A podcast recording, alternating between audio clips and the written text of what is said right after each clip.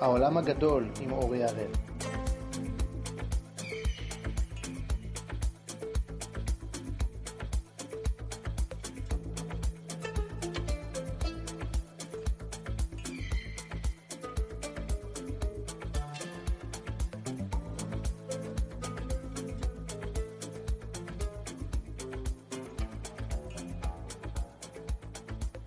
האזנה נעימה.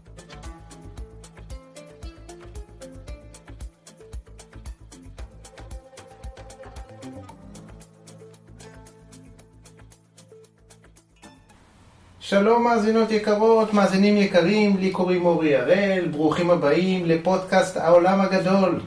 פודקאסט שמביא אליכם עד האוזניים ומעבר להן את המקומות הכי מרתקים בעולם, חוויות מזהירות, תרבויות רחוקות, גיאופוליטיקה, היסטוריה, אישים מרתקים ועוד ועוד. ואני מאוד נרגש לעוד פרק חדש של העולם הגדול. אבל לפני שאתחיל אני רוצה קודם כל לומר הרבה הרבה תודה למאזיני הפודקאסט מרחבי העולם הגדול ומהארץ, אה, שמדי פעם שולחים לי הודעות למייל עם שאלות על נושאים שעליהם אה, אני מדבר בפודקאסט, וגם בקשות שונות לפרקים על מגוון אה, נושאים שונים. הרבה תודות על הפרגונים והמחמאות, לא ברור מאליו לגמרי. אז שוב, תודה רבה לכולם, והפעם הפרק הסכסוכים בקווקז, גן ילדים ללא גננת, חלק ג' כלכלה וצבא, וגם חוב קטן מהפרק הקודם. להאזנה רציפה וברורה בצורה מיטבית, אני ממליץ להאזין לחלקי הפרק לפי הסדר. מיד מתחילים.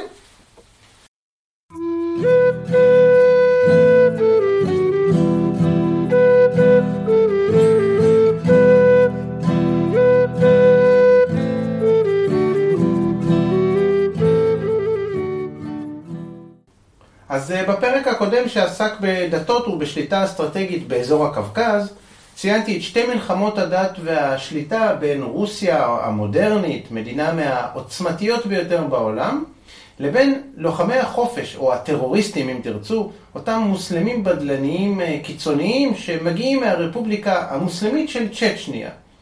המלחמה השנייה ביניהם הסתיימה בשנת 2009, ובפרק הקודם ציינתי שאחרי המלחמה הצליחו הרוסים למגר את הבדלנים המוסלמים ולהחזיר את השליטה המלאה לאזור. אבל מדי פעם יוצאים לוחמים צ'צ'נים ממחבואם בערים לפעולות נקם שונות וטרור באוכלוסייה ובחיילים הרוסים. מאזין בשם דורון שינדלר מחיפה העיר שמאז התעצמו המיליטנטים המוסלמים הקווקזים והקימו ארגון ג'יהאדיסטי בשם אמירות הקווקז, סוג של מדינה מוסלמית שאמורה להחליף את הרפובליקה הצ'צ'נית של אישקריה ופעלה עד שנת 2016 באזור. אז אה, רוב פעיליה עברו לפעול במסגרת אה, חדשה באותו זמן שנקראת ארגון המדינה האסלאמית, אתם בטח שמעתם עליה, היא דאעש. סניף הקווקז, או שפעלו במסגרת מלחמת האזרחים אה, בסוריה. אז תודה רבה לדורון שינדלר על ההערה המחכימה הזו, הוא אכן צודק, כך אכן אה, קרה.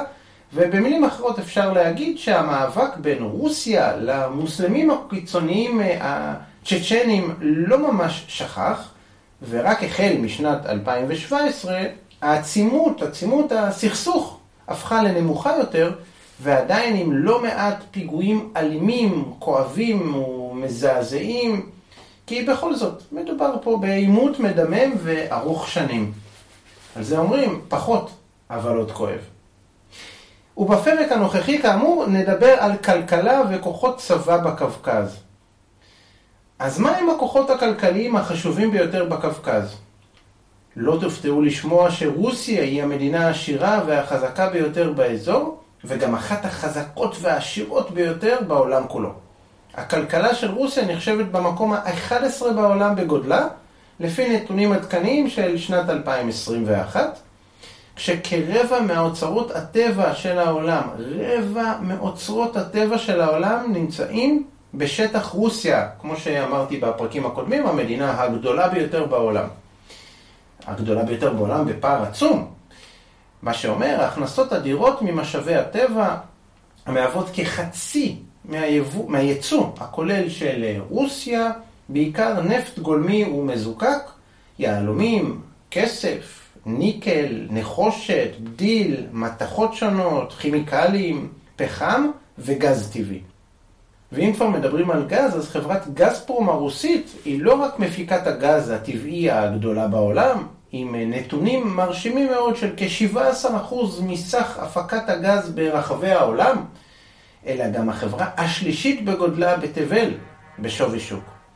ואם תרצו הוכחה עד כמה הכלכלה הרוסית היא אכן עוצמתית מאוד, ועד כמה השפעתה גדולה ומסיבית, לא רק באזור הקווקז, אז לא פחות מרבע מאספקת הגז של כל האיחוד האירופי כולו. 27 מדינות, כן, באיחוד האירופי, נכון להיום, מגיעים משלוחות החברה השונות. וחשוב לציין, גזפרום היא אמנם חברה פרטית מאז שנת 1993, אבל נכון לכרגע, שנת 2022, נשלטת בכ-50.5% בידי הממשלה הרוסית. שימו לב, 50.5, כלומר יותר מחצי, קצת יותר מחצי, בידי הממשלה הרוסית, מה שמעניק לה את הדיבידנד, את האפשרות לשלוט במרבית הנכסים. רוסיה היא גם מהמדינות הגדולות בעולם בהפקת נפט, ובשנת 2020 נחשבה השלישית בעולם אחרי ארצות הברית וסעודיה, השלישית בהפקת נפט בעולם כולו. מוצרי ייצוא חשובים נוספים של הכלכלה הרוסית הם אה, תירס, שמנים שונים, מוצרי עץ, מוצרי מזון וחיטה. אגב חיטה, אם כבר מדברים על חיטה, בשנים 2016 ו-2018 רוסיה הייתה יצואנית החיטה הגדולה ביותר בעולם. לא חושבים על זה בהיבט של רוסיה. וההכנסות אה, של רוסיה מחיטה בשנים אלה היו גדולות יותר מההכנסות של רוסיה ממכירת נשק ברחבי העולם.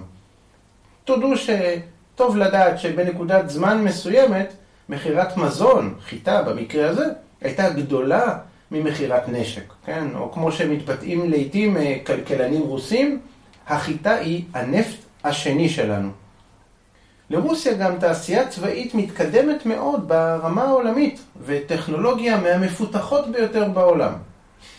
רוסיה היא גם יצואנית הנשק השנייה בגודלה בעולם, אחרי ארצות הברית, ומייצאת מערכות נשק מתקדמות למדינות רבות מאוד.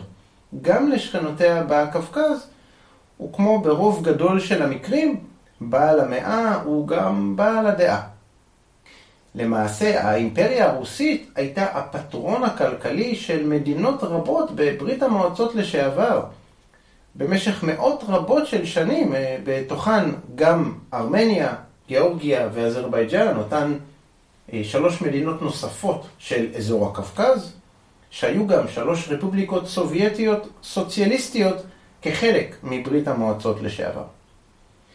ואם כל זה לא מספיק לכם, אז גם רוסיה היא מהמובילות בעולם בתחום חקר החלל. אתם זוכרים את הכלבה לייקה ואת המרוץ עוד בשנות ה-80, או אפילו שנות ה-70, המרוץ לחלל.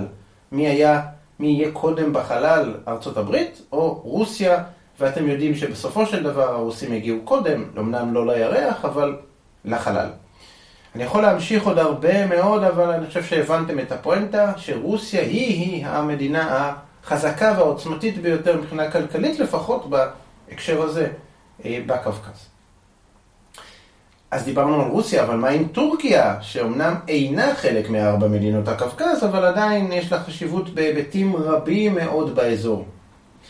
אז אה, כלכלת טורקיה במגמת צמיחה בעשורים האחרונים, למרות ההסתמכות המסורתית על חקלאות שתופסת יותר משליש מכלל הכלכלה, אחוז גבוה מאוד באופן יחסי למדינה מתקדמת.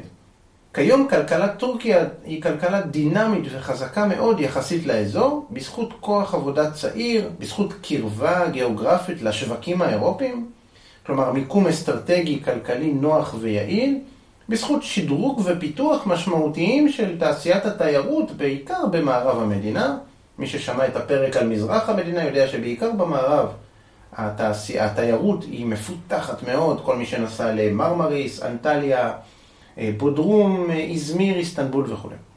וגם התבססות על תעשיית הטקסטיל היציבה והחזקה של טורקיה במשך עשורים רבים, ששמה הולך לפניה, ועלויות, וגם עלויות עבודה נמוכות, ודאי יחסית לעלויות העבודה הנהוגות בעולם המערבי.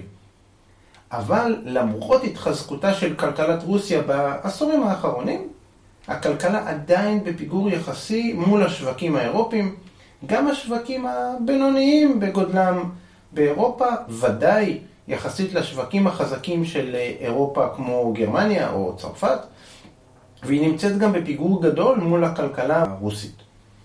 כך שלמבט הטורקי בעיניים מצועפות מערבה אל האיחוד האירופי, אין באמת אה, השלכות במציאות הכלכלית של היום, בין יתר הסיבות, אה, ויש גם סיבות נוספות, כמו הסיבה הדתית אה, של יבשת שרובה נוצרית, יבשת אירופה, מול מדינה מוסלמית ענקית. בנוסף, אנחנו חייבים לזכור שמדובר במדינה מאוכלסת מאוד, כ-85 מיליון תושבים, ונכון לשנת 2021, כן, שנה שעברה, אחד מכל שמונה טורקים בממוצע חי מתחת לקו העוני. תוסיפו לזה את העובדה שהאינפלציה במדינה בתחילת אה, שנת 2022 הגיעה לשיעור שנתי של 36 אחוזים, שיא של 19 שנים, ועדיין הכלכלה הטורקית חזקה לאין שיעור מול הכלכלה הגיאורגית או הכלכלה הארמנית. אחרי רוסיה, אזרבייג'ן היא יצרנית הנפט והגז הטבעי החשובה ביותר בקווקז.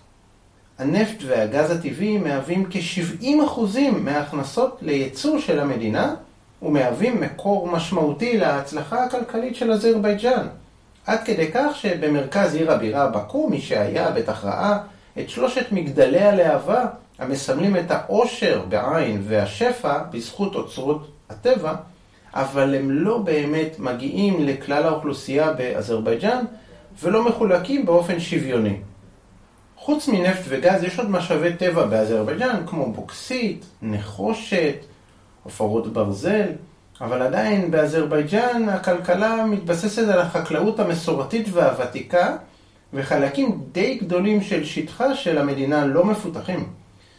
ולצד עושר בעין וקדמה, בעיקר בעיר הבירה הנוצצת והיפהפייה, באקו, שמהווה מבחינת השלטון הפנים העשירות והיפות של המדינה, ישנן תשתיות גרועות ולא מטופלות ברוב ערי המדינה בפרברים, וניכרת הזנחה רבה מצד הממשלה. כלומר, מי שייסע לבקו ויבקר שם שבוע ויש טיסות מישראל, יש טיסות ישירות, יוכל לראות עיר יפהפייה ומסודרת, עיר עתיקה עם חומה מאוד יפה ומושפעת מאוד מן הכלכלה, בעיקר כמובן מן הנפט והגז הטבעי, אבל מי שייסע מחוץ לבקו, שעה נסיעה לאחד הכיוונים, נמצא שהמדינה נראית אחרת, אה, כמעט אחרת לגמרי ממה שרואים בבקו. העושר בעין לא מגיע אל הפרברים, בעיה מאוד קשה של מדינות מתפתחות.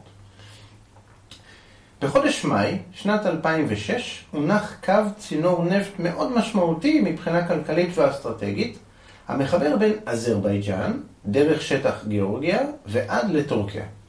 זהו קו צינור נפט המחבר את הים הכספי אל הים התיכון, ואם תרצו, קו האסטרטגיה הכלכלית המוסלמי. שמו הרשמי הוא קו הנפט בקוט ביליסי ג'יהאן, על שם הערים הראשיות שבהן הוא עובר. אורך הצינור הוא כ-1776 קילומטרים, מהארוכים ביותר בעולם, והוא מעביר נפט בכמות של עד כמיליון חביות ביום אחד. אבל מה שחשוב הוא דווקא שתי המדינות שהצינור לא עובר דרכן, ואלה הן רוסיה וארמניה. אז אה, נשאלת השאלה, למה הוחלט שהצינור, צינור כל כך חשוב ואסטרטגי, לא יעבור דרך ארמניה ורוסיה? אז האזרים באמת היססו רבות והתלבטו הרבה מאוד כשהחליטו שהצינור לא יעבור בשטח uh, רוסיה, כן? הם אמנם לא רצו במרכאות לעורר את הדוב הרוסי מרבצו, אבל החשש של האזרים וגם של הטורקים היה שרוסיה, המדינה החזקה ביותר באזור, אתם זוכרים, גם כלכלית, אה, ומכל סיבה בעצם, הכי חזקה, היא תשתלט על ההכנסות מצינור הנפט הזה, ובמקרה של מתיחות אזורית, או חלילה לא עלינו מלחמה בין הרוסים לאזרים, או בין הרוסים לטורקים, מה שכבר קרה בעבר, אם שמעתם את הפרקים הקודמים של הפודקאסט, במקרה כזה רוסיה תחבל בהעברת הנפט משטחה הלאה, או שתבקש דמי תיווך שערורייתיים כמדינת אמצע. בקיצור, התחושה של האזרים וגם של הטורקים הייתה שרוסיה אינה מהימנה מבחינה עסקית, ועדיף שהצינור לא יעבור דרכה. לא יפלא הדבר ביניכם בעקבות העבר הרחוק והקרוב של רוסיה עם שתי מדינות אלה. ובעקבות החשש של מנהיגי מדינות רבות בעולם, גם בעולם המערבי, מפני מנהיג רוסיה הנוכחי ולדימיר פוטין, ובכלל ההתנהלות העסקית הרוסית מאז הוקמה המדינה בשנת 1991. רוסיה מצידה לא ראתה בעין יפה את העובדה שצינור נפט כל כך חשוב באזור לא עובר בשטחה, והיא אינה יכולה להשתתף ברווחים ממנו. רוסיה רוצה להשתתף בכל מסיבה כלכלית שיש, מכל סיבה שהיא. אגב, הצינור הנפט הראשון מאסיה לאירופה שלא דרך רוסיה, כן? אז בוודאי שהרוסים הרימו גבה או שתיים כדי להבין למה הם לא משתתפים במסיבה הזו, המסיבה הכלכלית הזו. מאוד מוזר. פוטין ראה זאת אף כאיום ישיר של השפעתו על דרום הקווקז. ושימו לב, אתם זוכרים, רוסיה רוצה השפעה בכל אזור של שליטתה אה, וכל אזור שבו היא נמצאת במרחב הגיאופוליטי ממזרח הרחוק ועד אירופה וכמובן הקווקז הוא חלק חשוב מאוד מהדבר הזה במשך הרבה מאוד שנים. אה, אבל אל תדאגו לרוסיה, לרוסיה יש צינורות נפט רבים אחרים, דרכם הם אה, מעבירים נפט לאירופה, וגם צינורות גז שמחוברים ישירות לאירופה ומכניסים לכלכלתה של רוסיה סכומי עתק. אבל בכל הנוגע ספציפית לצינור הנפט הקווקזי ולהדרתה של רוסיה ממנו, בדומה למשפט הפנקס פתוח והעת רושמת, לפוטין יש עת או בואו נגיד את האמת, יש לו מרקר עבה מאוד, עם פנקס גדול מאוד, וזיכרון ארוך מאוד לוולדימיר פלוטין, והוא רשם זאת לפניו. אוקיי. אבל למה צינור הנפט לא עובר בארמניה, אנחנו רוצים לשאול. כמובן, המתח הרב בין טורקיה לארמניה מאז מלחמת העולם הראשונה, אתם בטח זוכרים, דיברנו על זה בפודקאסט הזה, אותו דם רע שביניהם, ששיאו היה שואת הארמנים, ב... תחילת, אה, בתחילת המאה הקודמת, שעליה דיברתי בחלק, אה, בחלק אה, קודם של הפרק, ובנוסף לטורקיה ולארמניה אין יחסים דיפלומטיים רשמיים ואין מעברי גבול רשמיים בין המדינות, אין חיבור כבישים ורכבות ביניהן עקב חסימת הגבול בידי טורקיה. הטורקים החליטו לחסום את הגבול עם, אר... עם ארמניה, ואם זה לא מספיק, גם המתח הרב והסכסוך הטריטוריאלי המדמם והאקטואלי ממש לימינו אלה בין ארמניה לאזרבייג'אן על חבל נגורנו קרבאח, עליו אדבר בהמשך הפרק. כל אלה ביחד תרמו לכך שארמניה לא שותפה בהעברת הצינור החשוב, אותו צינור חשוב שעליו אנחנו מדברים, וכך נבחרה גיאורגיה, דווקא גיאורגיה כמדינת המעבר של קו צינור הנפט, למרות שבכך ש... גיאורגיה מחוברת לצינור, כ-260 אה, קילומטר ממנו עוברים בשטחה, זמן העבודה עליו, כתוצאה מכך שהיה צריך לעבור אותו דרך גיאורגיה, זמן העבודה עליו התארך והתייקר, כי המשמעות הייתה שהצינור יעבור דרך ארוכה הרבה יותר מן המתוכנן. הנה לכם פרויקט כלכלי שמספר בזעיר אנפין את מרבית הסיפור של הסכסוכים בקווקז. אבל בחיים, כמו בחיים, איפה שמישהו מפסיד, מישהו אחר מצליח. קו צינור הנפט הוא קו חיים כלכלי וחשוב מאוד לאזרבייג'אן. זוכרים ש-70 אחוז, כ-70 אחוז מכלכלתה שורה באוצרות הטבע. דרך צינור הנפט היא מקבלת אספקת כסף אדירה וגם מעלה מאוד את קרנה הגיאופוליטית של המדינה בכל אזור הקווקז. לנו יש את הצינור הכי ארוך והכי גדול. קו הצינור חשוב מאוד גם לגיאורגיה כמובן, שמקבלת כספים רבים כדמי תיווך כמדינת אמצע לצינור, וגם לטורקיה שהפכה עם הפעלת קו הצינור לשוק נפט בינלאומי חשוב באזור הים התיכון. וכמובן שקו הצינור חיזק ועדיין מחזק את הקשר הפוליטי בין שלוש המדינות, אזרבייג'אן, טורקיה וגיאורגיה. אז לאחר שהודרה מקו צינור הנפט החשוב, מה נוכל להגיד על כלכלת ארמניה? אז כלכלת ארמניה חזקה באופן יחסי וקצת מפתיע לומר זאת, אה, למה שהיינו מצפים ממדינה שהיא גם מבודדת יחסית בקרב עמי הקווקז, מדינה שמנהלת סכסוכים היסטוריים עם שתיים משכנותיה, עם טורקיה ועם אזרבייג'אן. ובנוסף, אין לה גישה לים, פרט חשוב מאוד. וגם מדינה שעברה כמה רעידות אדמה קשות ומכאיבות בעשורים האחרונים, שגרמו לה לנזקים כלכליים חמורים מאוד. וכמובן, אה, גם לנפגעים בנפש. ועדיין, כלכלת ארמניה צמחה בשנים שלפני עידן הקורונה, בעיקר בזכות קריאה משמעותית של מחצבים כמו זהב, נחושת ואבץ, וגם בזכות מאמצים לחזק את הייצוא מהמדינה, בעיקר של מכירת מוצרי אלקטרוניקה, טקסטיל, דשנים, כימיקלים, תיירות פנים ותיירות נכנסת אליה בזכות אה, מעיינות המרפא שלה. ואם ציינתי קודם את חשיבותה הכלכלית הרבה של חברת גזפרום הרוסית, אז הנה, חברת הבת שלה היא חברת גזפרום ארמניה, שאחראית לאספקת גז לשוק הגז המקומי של המדינה, כמו גם לייצור חשמל בארמניה.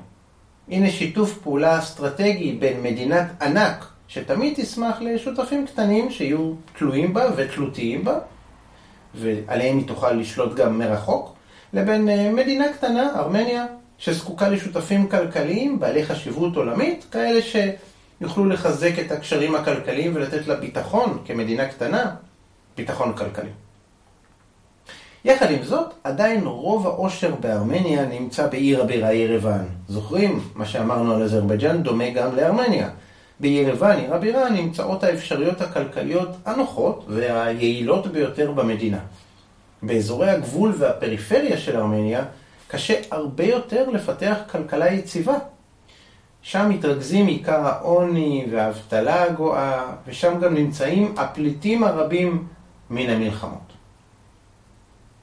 אז מה עם גיאורגיה? המדינה הנוספת באזור הקווקז.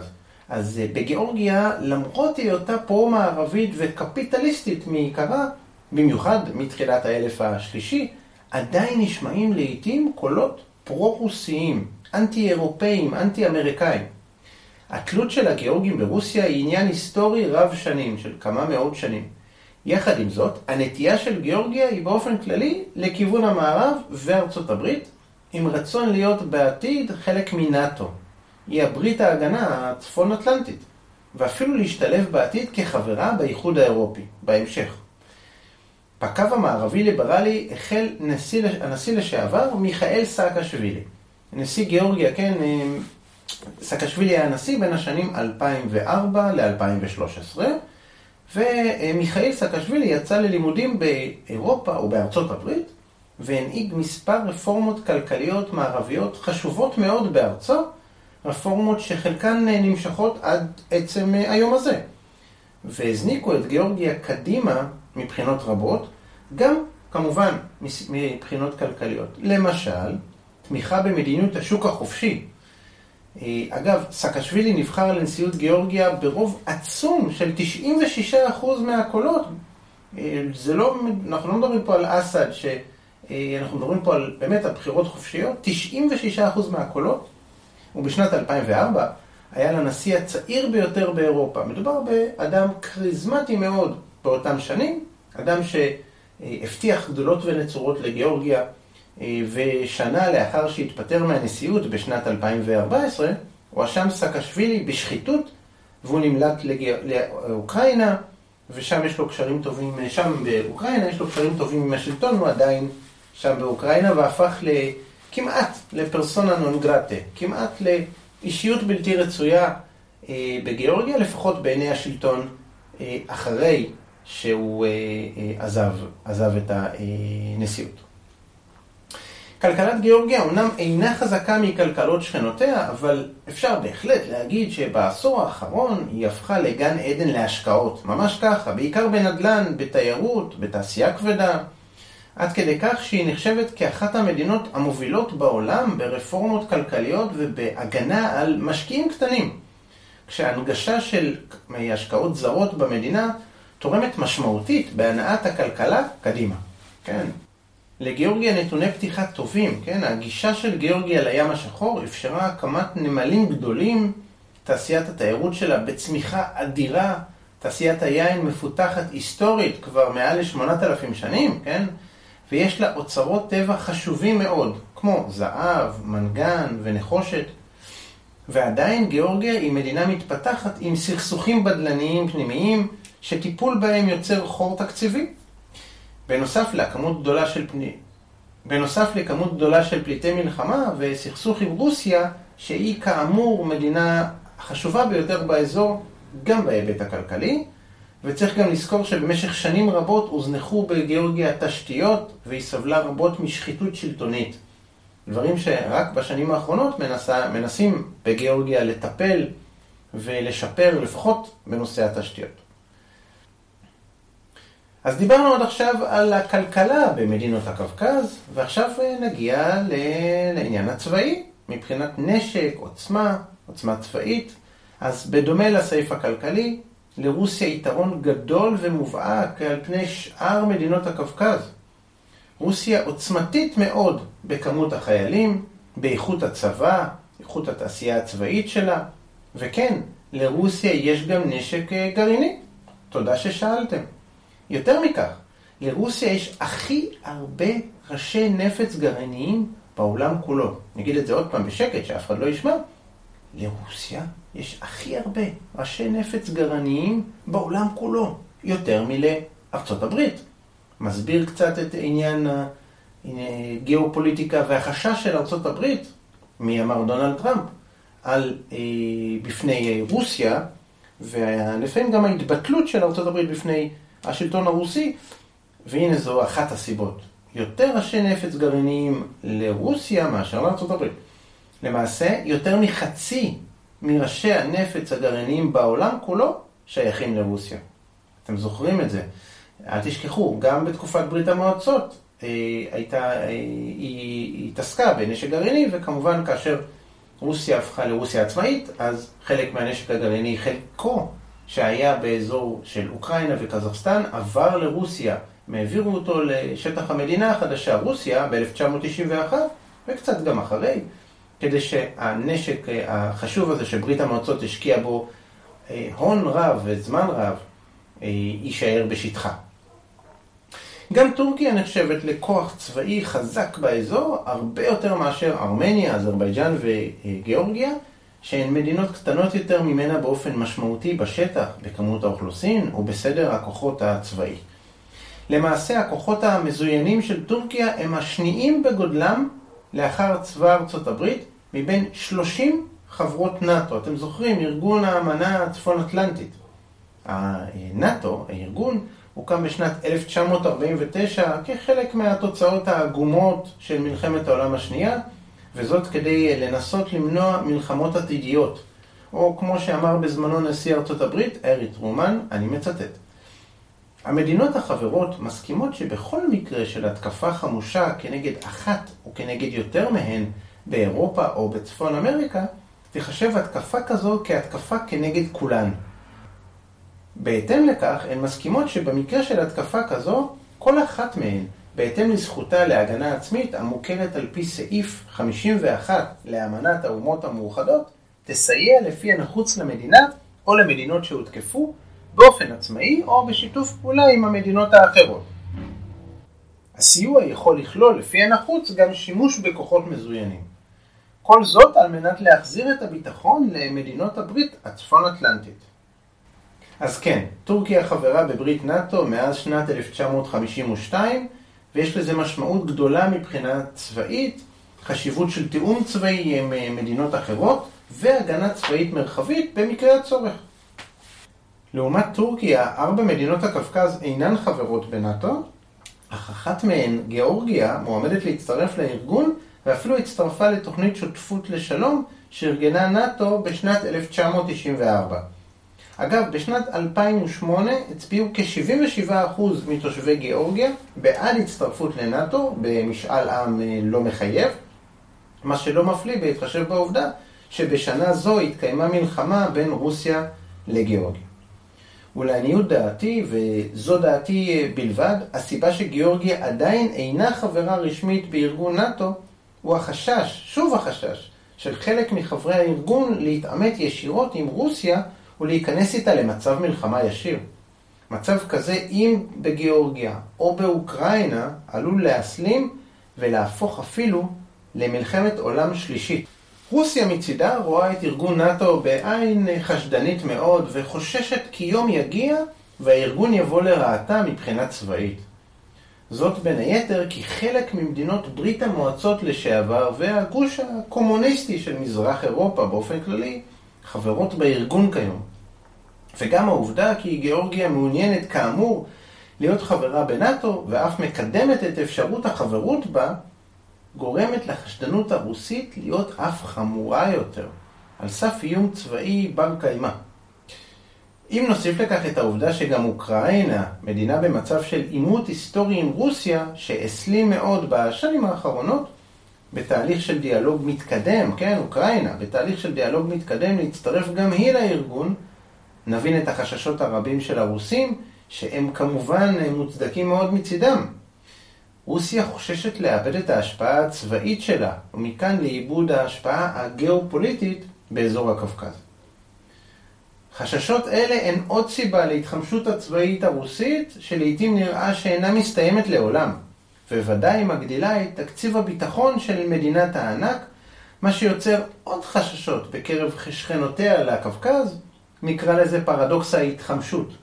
מן הצד השני, מדינות הקווקז שמחות שרוסיה מוגבלת מעט בהשפעתה ובעוצמתה, ושהדורסנות הפוטנציאלית של רוסיה מצומצמת ומוגבלת. הן עדיין זוכרות היטב את השליטה האבסולוטית של רוסיה בארצותיהן עד לפני כמה עשורים, כשהייתה ברית המועצות. קרה לטורקיה. כתוצאה מהשקעה כספית אדירה של טורקיה, בעיקר בשלושים השנים האחרונות, ובמיוחד בעידן ארדואן, טורקיה התעצמה מאוד באיכות הנשק ובחשיבות הצבאית שלה. וכן, חלק מההתעצמות הזו מגיעה מקניית טנקים, מטוסי קרב וכלי נשק רבים ממדינות מערב אירופה, גם מישראל ומארצות הברית. לטורקיה כמדינה מוסלמית משמעותית על הציר האסטרטגי המשולש אירופה, מזרח תיכון, הקווקז, חשיבות צבאית גדולה מאוד באזור בשל היחסים הקרובים שלה עם מדינות ערביות מתונות מצד אחד ועם ישראל וארצות הברית מן הצד השני. וחשוב לציין, על אדמת טורקיה נמצא בסיס חיל האוויר האמריקאי אינצ'רליק, בסיס אה, אסטרטגי חשוב מאוד של האמריקאים מאז שנת 1955, שמהווה לא רק דריסת רגל אמריקאית במזרח התיכון, שימו לב, גם האמריקאים רוצים דריסת רגל במזרח התיכון, אלא גם רצון ניכר להשפעה צבאית בקווקז. מבסיס אה, אינצ'רליק יצאו מטוסי קרב להפציץ בעיראק במהלך מלחמת המפרץ בשנת 1991 וגם במהלך קרבות מלחמת אה, אפגניסטן בין השנים 2001 ל-2014. וכן, אם שאלתם, בבסיס אינצ'רליק מאוחסנות בין היתר כ-90 פצצות אטום. 90 פצצות אטום על אדמת טורקיה ששייכות לארצות הברית. ומהוות איום כמובן על רוסיה. צבא גיאורגיה התעצם מאוד בזכות עזרה צבאית מארצות הברית בתחילת המילניום הנוכחי. האמריקאים שהודרו מההשפעה ברפובליקות הסובייטיות במהלך עשרות שנותיה של המלחמה הקרה בינם לבין ברית המועצות, שמחו מאוד לחזור לקדמת הבמה. בכך שתמכו צבאית בגיאורגים ויחד עם אוריינטציה כלכלית מערבית, קיוו האמריקאים שהגיאורגים יפנו סוף סוף עורף לרוסים. הצבא הגיאורגי השתפר והתמקצע מאוד מאז שנת 1999 בזכות השתתפותו במשימות בינלאומיות לשמירת שלום והשתתפות בתרגילים צבאיים משותפים עם צבאות מערביים. צבא ארצות הברית מרבה לאמן את הצבא הגיאורגי בשיפור המוכנות ללחימה, בפיתוח אסטרטגיות צבאיות ובשיפור החינוך הצבאי. אי אפשר להתעלם מהחשש של הגיאורגים מפני הרוסים מאז טראומת המלחמה ביניהם בשנת 2008. מלחמה שנבעה מן הסכסוכים העמוקים בין גיאורגיה לרוסיה על שאלת גורלם של שני החבלים הבדלניים של דרום אוסטיה ואבחזיה, שהתנתקו מגיאורגיה ועברו לרוסיה. מאז אותה מלחמה הצבא הגיאורגי עומד אכן בכל עת לפלישת כוחות צבא רוסיים או להתגרות צבאית רוסית. עוד על הסכסוך בין גיאורגיה לרוסיה בהמשך הפרק. גם צבאות ארמניה ואזרבייג'אן התחזקו והתמקצעו מאוד בשנים האחרונות, בעיקר עקב הלוחמה הנמשכת ביניהן בחבל נגורנו קרבאח, חבל היסטורי עליו אדבר בחלק הבא של הפרק. שני הצבאות חייבים להישאר דרוכים כל הזמן עקב המתיחות הרבה ביניהן בשנים האחרונות.